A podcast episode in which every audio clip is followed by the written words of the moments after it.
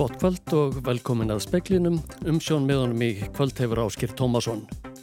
Ríkisaksóknari hefur ámynd Helga Magnús Gunnarsson var að ríkisaksóknara vegna ósæmilegar hátsemi sem var ósamrimanleg starfi hans.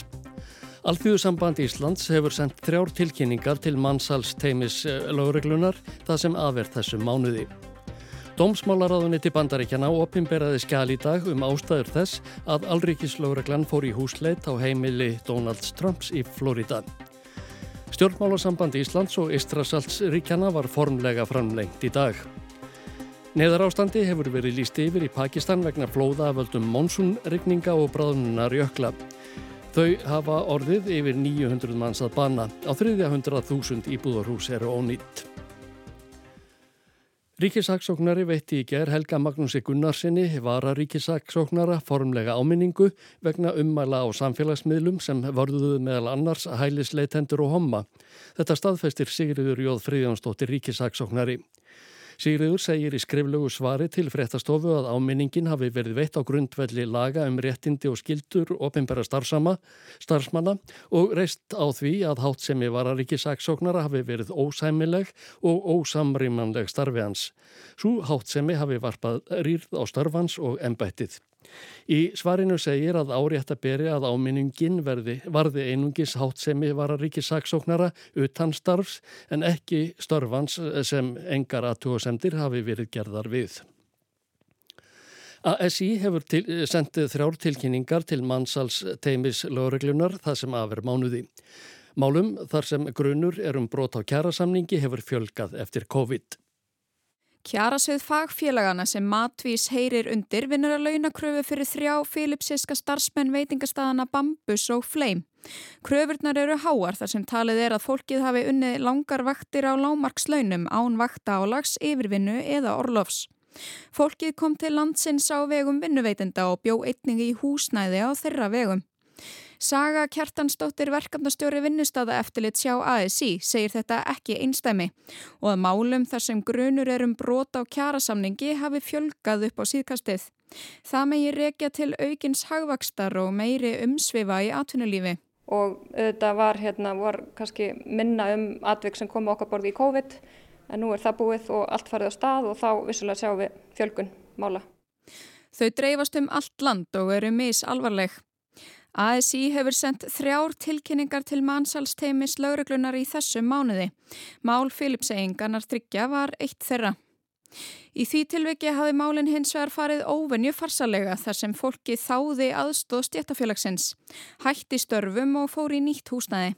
Nú var þetta fólk sko með atvinnuleifi sem var bundi við þennan atvinnureikanda og í þannig aðstæðum að þar hekar fólk oft við að stíga út á aðstæðunum þótt að það sé og það jafnvel sko er í slæmum aðstæðum í lengri tíma af því að það þóru ekki að stígur aðstæðum og þess vegna eins og ég segi þess vegna var endurinn í þessu máli mjög farsæl af því að það tókst að hérna, bjóða þeim aðstóð þau þáðana, stígu út á aðstæðum og það er að takast að finna þetta um önnu störf.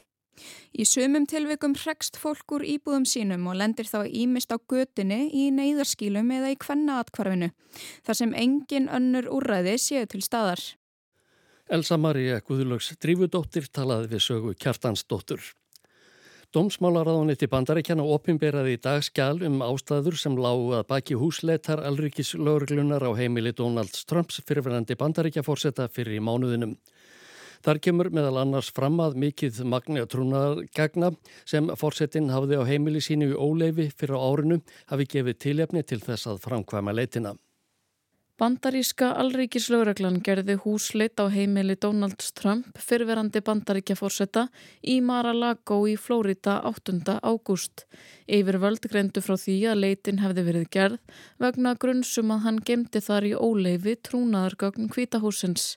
Í dag var svo vonað því að hulunni erði svift af gögnunum, hið minsta að hluta, þegar dómsmálaráðunettið ofinberaði skjálum ástæður leitarinnar.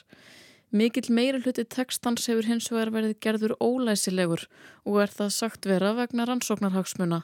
Af því litla sem þó er þar, má ráða að ráðuneytinu hafi þótt ríkar ástæður til þess að leita á heimilinu.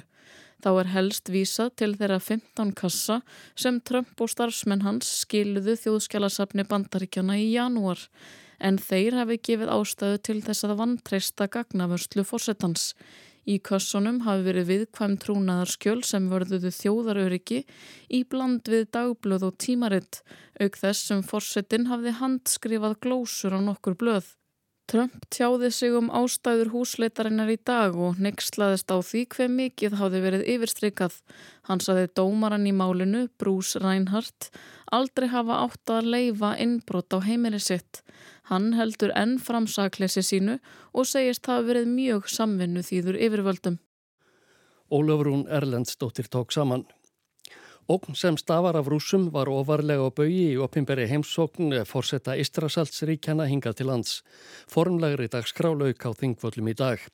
Fyrir í dag undirrituðu utanreikisráþærar Ístrasaltsríkjana og Íslands sameigilega yfirlýsingu í tilefni þess að 31 ár er síðan stjórnmálasambandi millir ríkjana var aftur komið á. Utarækis ráðherrarnir fordæmdu grimmilega innrás rúsa í Úkrænu og undirstreikuðu nöðsinn samvinnu á, á sviði öryggis og varnarmála. Fórsetaríkjana taka undir mikilvægi þessa. Gítanas Násetta, fórseti Litáins, segir stöðu Eistrasaltsríkjana mjög viðkvæma því það sé í ljósi Því það sé ljóst í hans huga að innrásin í Úkrænu sé aðeins hluti af áformum stjórnmalda í Kreml um landvinninga á næstu árum. They start from Ukraine, and of course, if they will succeed in Ukraine, I'm pretty sure that the appetite of Vladimir Putin and Kremlin's regime is much larger. This is not only about Ukraine. Segir Gitanas Náseta, nánar verður fjallað um þetta í sjónvarpsfréttum. Starlink gerfinhatta neti SpaceX fyrirtækis auðkýfingsins Elons Musk er ætlað að tryggja sím samband jafnvel á afskektustu svæðum heimsins. Það verður gert í samstarfi við T-Mobile, bandarist dótturfyrirtæki Deutsche Telekom. Þjónustan byggir á umfangsmiklu neti Starlink gerfinhatta á sporbögum jörðu. Ekki þarf að endur nýja símtækin sjálf, auk þess sem sérstakrar Starlink útstöðvar er ekki þörf, en bandvítin verður minni. Ætlunin er að sent á næsta ári geti notendur sendt textaskilabóð og fljótlega eftir það verði símtöl og netþjónusta í bóði. Elon Musk greindi frá þessu samstarfi í höfustöðum SpaceX í Texas í gær og sagði samvinnu fyrirhugaða víðar. The, the important thing about this is that it, it means there's no dead zones anywhere in the world for your cell phone. Do you want to work with other partners in, in, in other parts of the world? Um, and we will no longer read about these tragedies that, that happen where people get lost. And, and if only they could have called for help. They'd be okay. Musk saði mikilvægast að hverki heiminum verði símasambandslust og því væri örugt að þjónustan bjargaði mannslífum. Við þurfum ekki framar að lesum alla þessa harmleiki þar sem tínt fólk hefði verið hólpið aðeins ef það hefði geta hringt eftir aðstóð, sagði Musk. Mike Sievert, forstjóri T-Mobile í bandaríkjónum, hveðst búast við að þjónustan verði endurgjaldslaus fyrir flesta viðskiptavinni en sagði þó líklegt að sérstakt gjald verði innheimt af þeim sem kaupa ódýrar síma áskriftir. Markus Þóraldsson tók saman. Tveggjart bíla áreikstur varð á Sogavegi í Reykjavík um klukkan hálf sex í dag. Annar bílinn endað á kvolvi. Einn var fluttur á sjúkrahús með minni hátra meðsli að sögnu Rúnars Helgasonar var stjóra hjá slökkviliðinu á höfu borgarsvæðinu.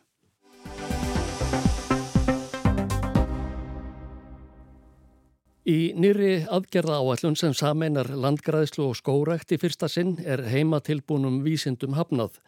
Þetta segir framkvæmdastjóri landverndar sem bindur vonir við að sameinuð stefna mingi sundrung sem hefur verið á milli stopnanana svo að hægt verði að vinna betur að sameigilegu markmiði þeirra náttúru vernd. Matvælar á þeirra hefur gefið út fyrstu saminuðu stefnuna í landgræðslu og skórækt auk aðgerða áallunar í tíu liðum. Hún næri yfir fjögur ára tímabil frá 2022 til 2026. Auður Önnu Magnúsdóttir er framkvæmdastjóri landvendar. Til að byrja með þá líst okkur vel á að setja þetta saman. Við höfum kallað eftir því í mörg ár eh, landgræðsla og skórækt eru það nátengdir eh, nátengdar aðgerðir eða ná, nátengt fyrirbæri að það er mjög eðlilegt að knýta þetta svona saman. Þannig að það er mjög ánægilegt skref að það sé gert með þessum hætti og mér finnst að vel hafi tekist til með það í þessari aðgerðaraflin Það hljómar raugrétt að sameina skórektina og landgræðsluna. Markmiðið er jú að mörguleitið að sama. Stopnaninar vinna báðar að vistvernd og nýtingu lands og vinnað mörguleiti hliðstæðverkefni sem snúaða losun og bindingu gróðurhúsaloftegunda. En þær hafa ekki verið á eitt um framkvæmdina. Raunar hafa þær stundum verið eins og stríðandi fylkingar í þeim málum. Hvaða áhrif á saminingin eftir að hafa á þær nöðsynlegu aðgerðir sem þar var áðast í sem allra fyrst gæti skapast pattstaða vegna ósættisum útfæslu atriði. Það er óneitanlega mikið verkað vinna í málafloknum og komin tími á aðgerðir.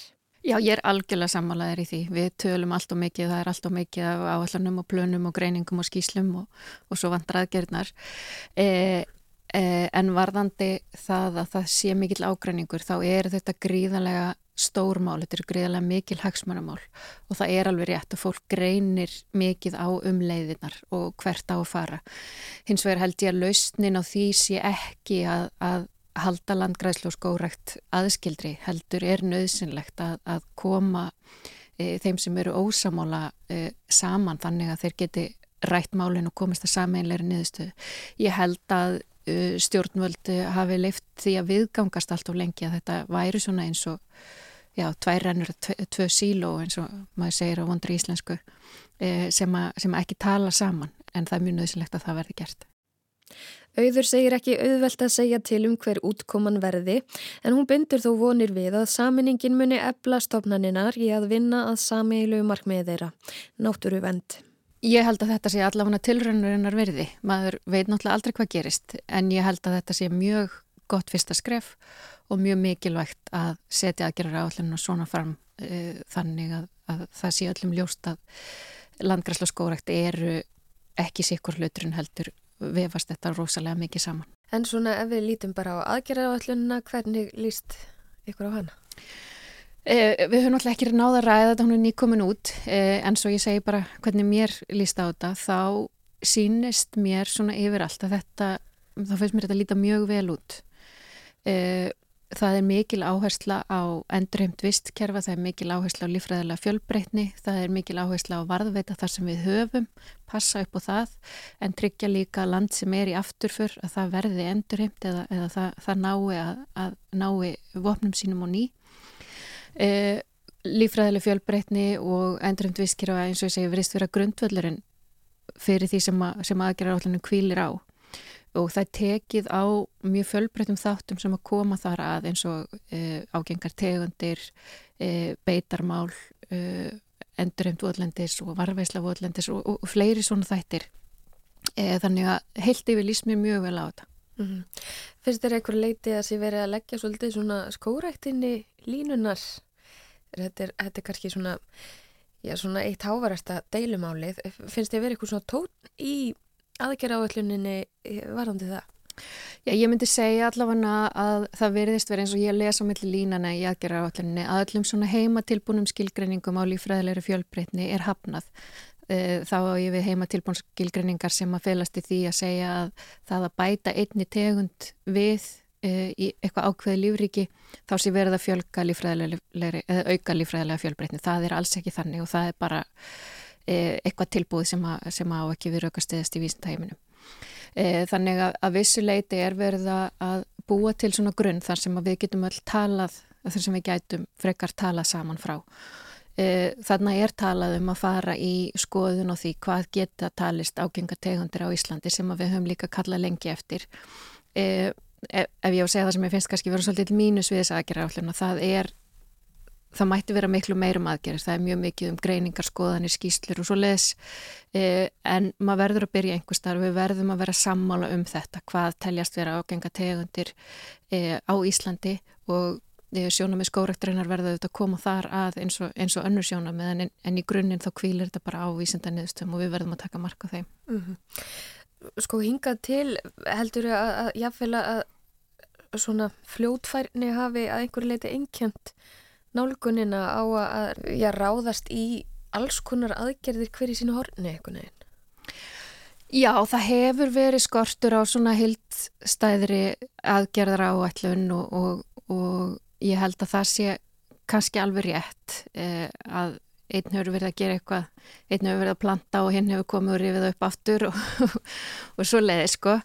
E, þannig ég vona að þetta sé leiður í því að, að, að við fáum svona heilstæðra jafnvel heilstæða landnýtingar áallun en ég held við þurfum líka að muna sko að landið er mjög illa farið og þegar að skórekt byrjaði á Íslandi, hún ásýr ekki nema svona réttrumlega kannski 100 ára sögu. E, þá bara vissi fólk ekkert hvað yksi á Íslandi og það hefur verið mikill eldmóður og mikill drivkraftur í að finna tegundir sem að dapna vel á Íslandi hvernig við eigum að leysa þetta mál. Og þurfum kannski bara aðeins að hafa smá þólimaðu skilning á því að, að þetta er mjög uh, ung, ung aðgerð á Íslandi og, og hérna við prófum eitthvað og það gekk ekki svo prófum við eitthvað annað og það gekk vel eins og sjáum við síðar það gengur ekki alveg nógu vel. Þannig við þurfum bara, þú veist, reyna að virkja þannig eldmót svolítið í, í rétta átt og hafa, hafa svona góðan skilning á þú veist, á Íslandi. Við erum svo miklu stittra komin að mörgu leiti vegna þess að veist, við vorum svo rosalega fátæk fyrir hundra árum. Og það er svo margt sem við erum að gera miklu hraðar heldur en aðra þjóðir hafa verið að gera. Þannig að ég held að þetta komi allt með hérna kaldavatninu og, og, og góður stýringu sem matvælaráðanetti verðist alltaf að hafa á þessu. Segir auður önnu Magnúsdóttir, Hafdís Helga Helgadóttir talaði við hana.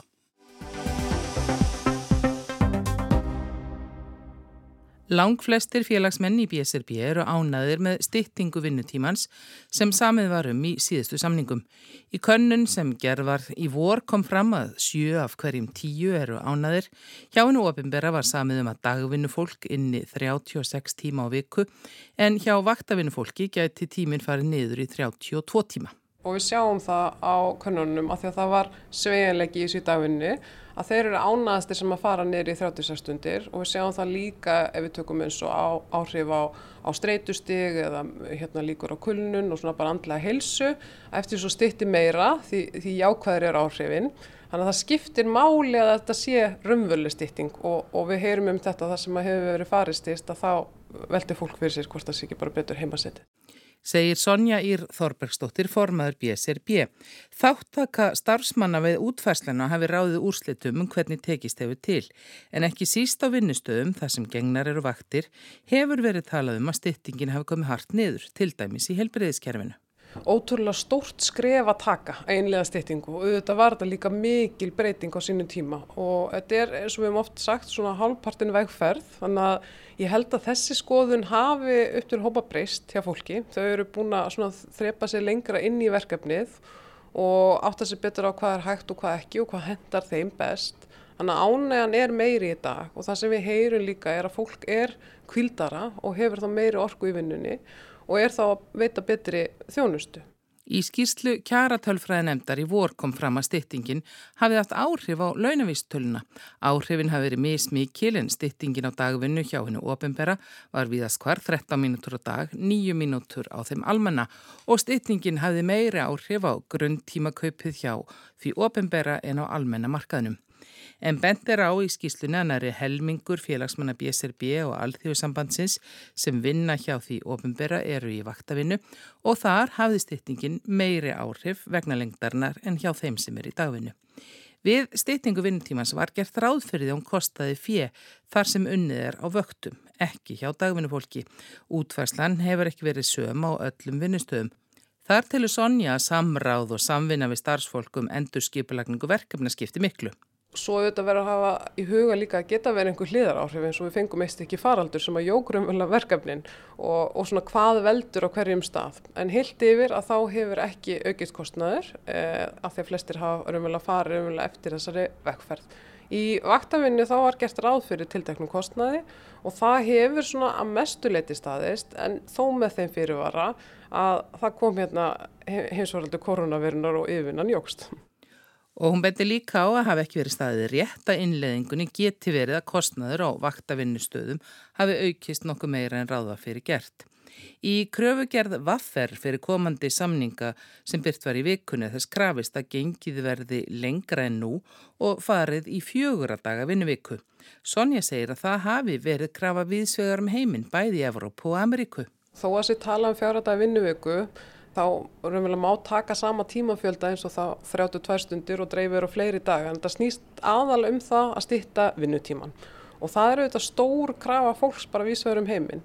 Þannig að ég til að, og við sjáum það að það er vel hægt og það er hægt á flestum dagvinnustöðum án þess að skapist auka kostnæður Það fylgur í sér kostna fyrir vaktæðinu fólk en þá þetta kemur á móti að bæði og ætlar að tryggja að fólku vilji sinna þessum störfum og að því líði betur að því að vaktæðinan er meira slítandi þegar þú vinnur allan sólarsingin að þú sért að ganga þessa leið og sérstaklega líka við horfum til þess núna þar að raukinn krafum sveigjanleika vinnumarkaði það er bara hluti vinnumarkaðin sem getur notið sveigjanleika og svona talið um 50% getur ráðið hvar þau vinna og hvernar.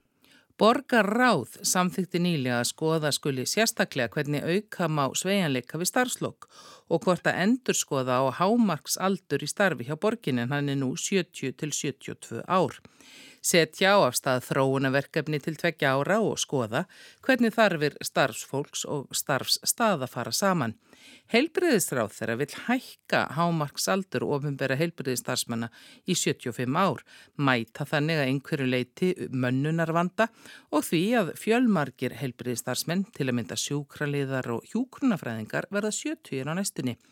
Sonja telur að sveiginleg starfslokk sé að finna góða en að hækkun á hámarks aldrei leysi ekki mönnunavanda. Nei, alls ekki. En það er okkar krafa svo ef þú ætlar að berðast um mönnunavanda þá þarf þetta að horfa til þess hvernig launakjörun eru og hvernig starfsumkörfið er og það er auðvitað hægt að fara og fjallum það í lungum máli hvernig það er en ég held við vitum það flest eins og í heilbríðstéttunum eða í mentakerfinu og bara starfsfólki í almannaþjónustu þannig að það þarf að horfa til þess. Hitt er svo annar mála að sveigjanlega starfslokk eru bara af hennu góða. Við erum að lifa lengur og margir hafa orku til þess að vinna lengur og vilja. Þetta er stór hluti af okkar tilvöru og er félagslegt. En okkar stjettir, hérna innan BSB, meiri hluti þeirra er með kröfu um að geta farið fyrr á líferi, þessum við kallum snemtökulíferis, vegna þess hversu slítandi störfin eru. Þannig að okkur finnst þessi umræðan sveigjanlegu starfslokkin of einhliða. Það þurfa að tala um þetta allt í svona stóra samhenginu og þá eftir því hvaða áhrif störfin hafa á hvern og einn. Finnst þér að hún hafa fyrir eitthvað verið á fórstundu þeirra sem vantar fólki til vinnu? Já og sérstaklega núna þarf þessi umræða að byrjaði með heilbyrjastjættirnar að markmiði væri um vel að fjölga fólki og það ætti að horfa til þess að fólki ætti unni lengur. Ég held að þetta sé ekki lausnin sem er verið að leita. Heldur þurfa að horfa til starfsastanna og launakjærana.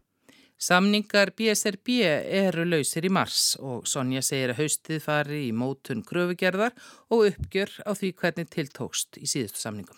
Það eru þetta hefbundið við séum svona með tvíþættakröfur, annars verður á okkar viðsemindur sem eru atvinnurökundur en hins vegar líka stjórnvöld. Og til þess að tryggja uh, lífskjörfólks og lífsgæði þeirra þá erum við að horfa til þess. Í fyrsta leið þurfum fólk að ná endum saman, þurfum að tryggja kaupmáttin þeirra og síðan eru við auðvitað að vinna áfram í styttingunni. En hitt sem kemur á móti og þó að við séum ekki byrja að undirbúa kröfugerðina en það sem hefur verið viðvarandi verkefni hjá okkur innan BSIB er að tryggja að verði klárað þessi, þetta verkefni varandi jöfnu launamilli markaða. Af því að starfsfólk og ofnbjörnu vinnumarkaði er á lærri launum að jafnaði heldur en starfsfólk á almennu vinnumarkaði. Og svo voru við líka í síðustu kjærasamningum þá lísti ríkistjórnin því yfir samhliða að það er því farið þá vinnu að, að skoða og raunverulega leggja fram tilhuginu hvernig mætti vinna gegn vanmati á verði hvernastjetta og við erum í svona, það heitir aðgerrahópur og erum í þeirri vinnu núna en það verður auðvitað líka mikil áhersla á það í næstu kjærasamningum að við förum lossis og stígum þetta stóra skref sem er að leiðrætta þetta sögulega kjærjuspunna vanmat. Sagði Sonja Ír Þorbergsdóttir, Anna Kristín Jónsdóttir talaði við hana.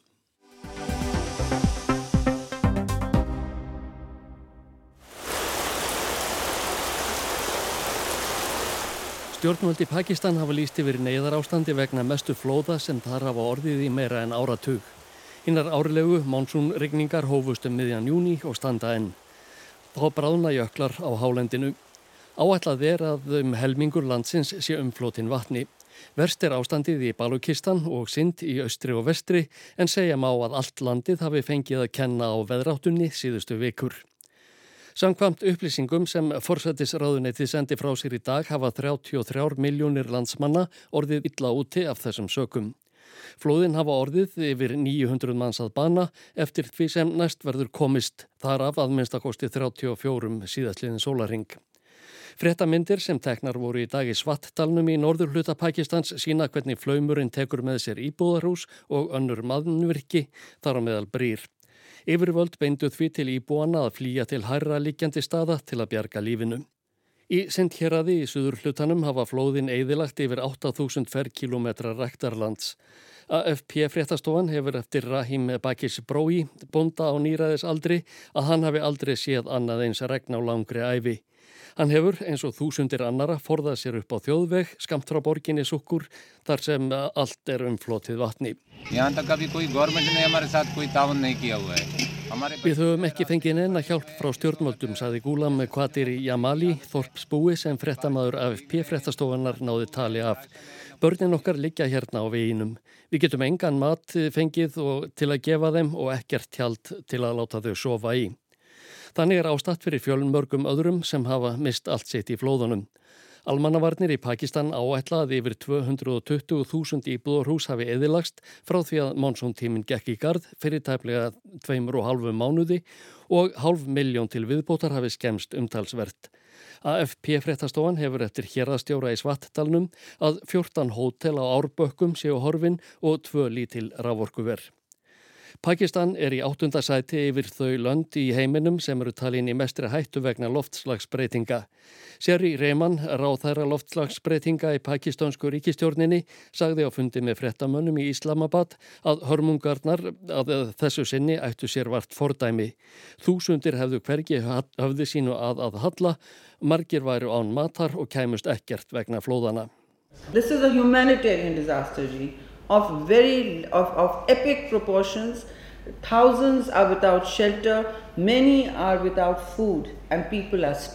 Þetta eru slíkar hörmungar, saði Seri Reyman, að hérastjórnirnar í Pakistan og stjórnvöldi í Islamabad hafa ekki bólmagt til að bæta fólki tjónið sem það hefur orðið fyrir. Við verðum að leita aðstóðar alþjóð samfélagsins. Sjábas Sjarif, forsættis ráð þeirra tók undir þetta í dag þegar hann óskaði eftir aðstóð erlendra hjálparstofnana til að handla ástandið. Sjarif ætlaði í heimsók til Breitlands en hefur frestað förinni til að stýra aðgerðum vegna flóðana. Hann hefur fyrirskipað hér landsins að gera allt sem í hans valdi stendur til að aðstóða landsmenn. Sjarif flög í dag yfir svæðin sem verst eru útleikin og sagði eftir það í viðtali við pakistanska sjónvarpið að ástandið væri ólýsanlegt. Stjórnvöld hafa þegar hafið fjársöpnun til aðstóðar fólki á flóðasvæðunum. Herrmönnum hefur verið skipað að gefa ein mánadarlaun til söpnunarinnar. Heilbriðis yfirvöldi í Pakistan hafa áhyggjur af því að farsóttir blossi upp vegna ástandsins. Börn eru við kvæmust. Dúfæl Somaró, barnalæknir á sjúkrahafis í Súkú, sagði í viðtalið við AFP-frettastofuna að hann hafi tekið á móti börnum sem hafði smittast af maga og gardnabólgu, húðsjúkdómum og malaríu. Þessi barðsjóngi síðan og ég og báni zjada bada hei.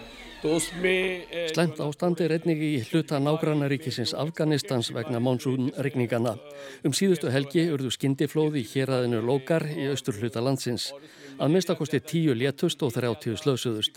Yfir þrjú þúsund íbúðarhús eðilagðust í, í héræðinu, búpenningur druknaði og 20 ferrkilometra rektarlands eðilagðust þar sem ávextir voru aðalega rektaðir.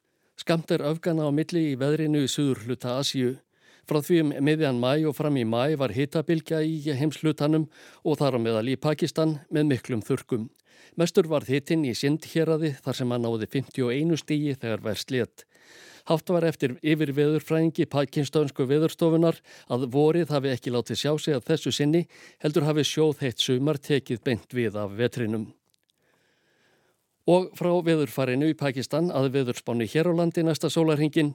Veðurstofan gerir ráð fyrir norðan 5-10 metrum á sekundu og norðvestan 10-15 um landið austanvert. Léttski að sunnan og vestanlands með hita að 16 stegum yfir daginn. Ryggning með köplum á norður og austurlandi og hiti fjögur til nýju steg. Dregur úr vindi og úrkomu í kvöld. Það verður hægbreytileg átt á morgun og viða þurft og bjartveður en líkur á þokubökkum við norðurströndina. Hitti verður 9-17 steg yfir daginn hlýjast á vesturlandi. Fleira er ekki speklinum í kvöld, taknimaður var Mark Eldred. Verðið sæl og góða helgi.